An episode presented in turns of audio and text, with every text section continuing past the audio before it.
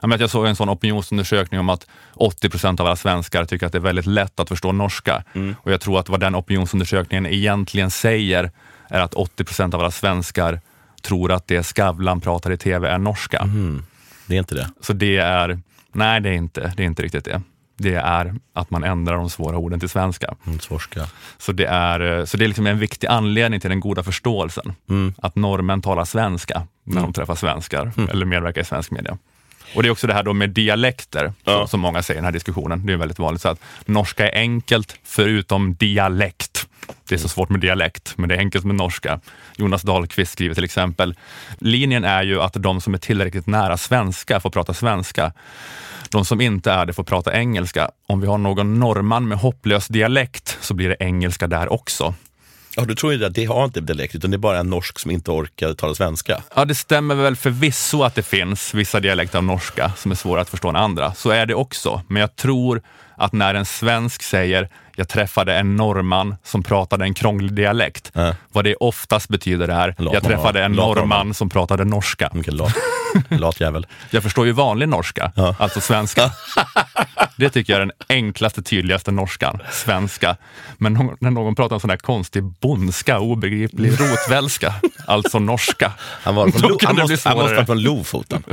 Men vad heter det, vad synd att da- danskarna inte or- orkar anstränga sig. Nej, det är liksom, eh, de, har, eh, de har saboterat Ja. den skandinaviska språkförståelsen som går ut på att alla ska prata svenska.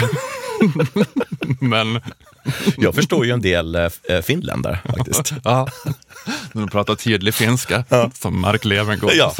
Men jag har inget problem alls att förstå Mark Levengood. Okej, det här var ett litet utdrag. Köp en prenumeration för 29 kronor i månaden på underproduktion.se stormens utveckling om du vill höra detta avsnitt.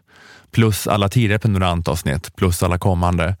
På underproduktion finns också instruktioner om hur du lägger in prenumerationsfeeden av Stormens utveckling i din poddapp, vilket är att föredra för smidigt lyssnande, även om det såklart går att lyssna direkt på webben också.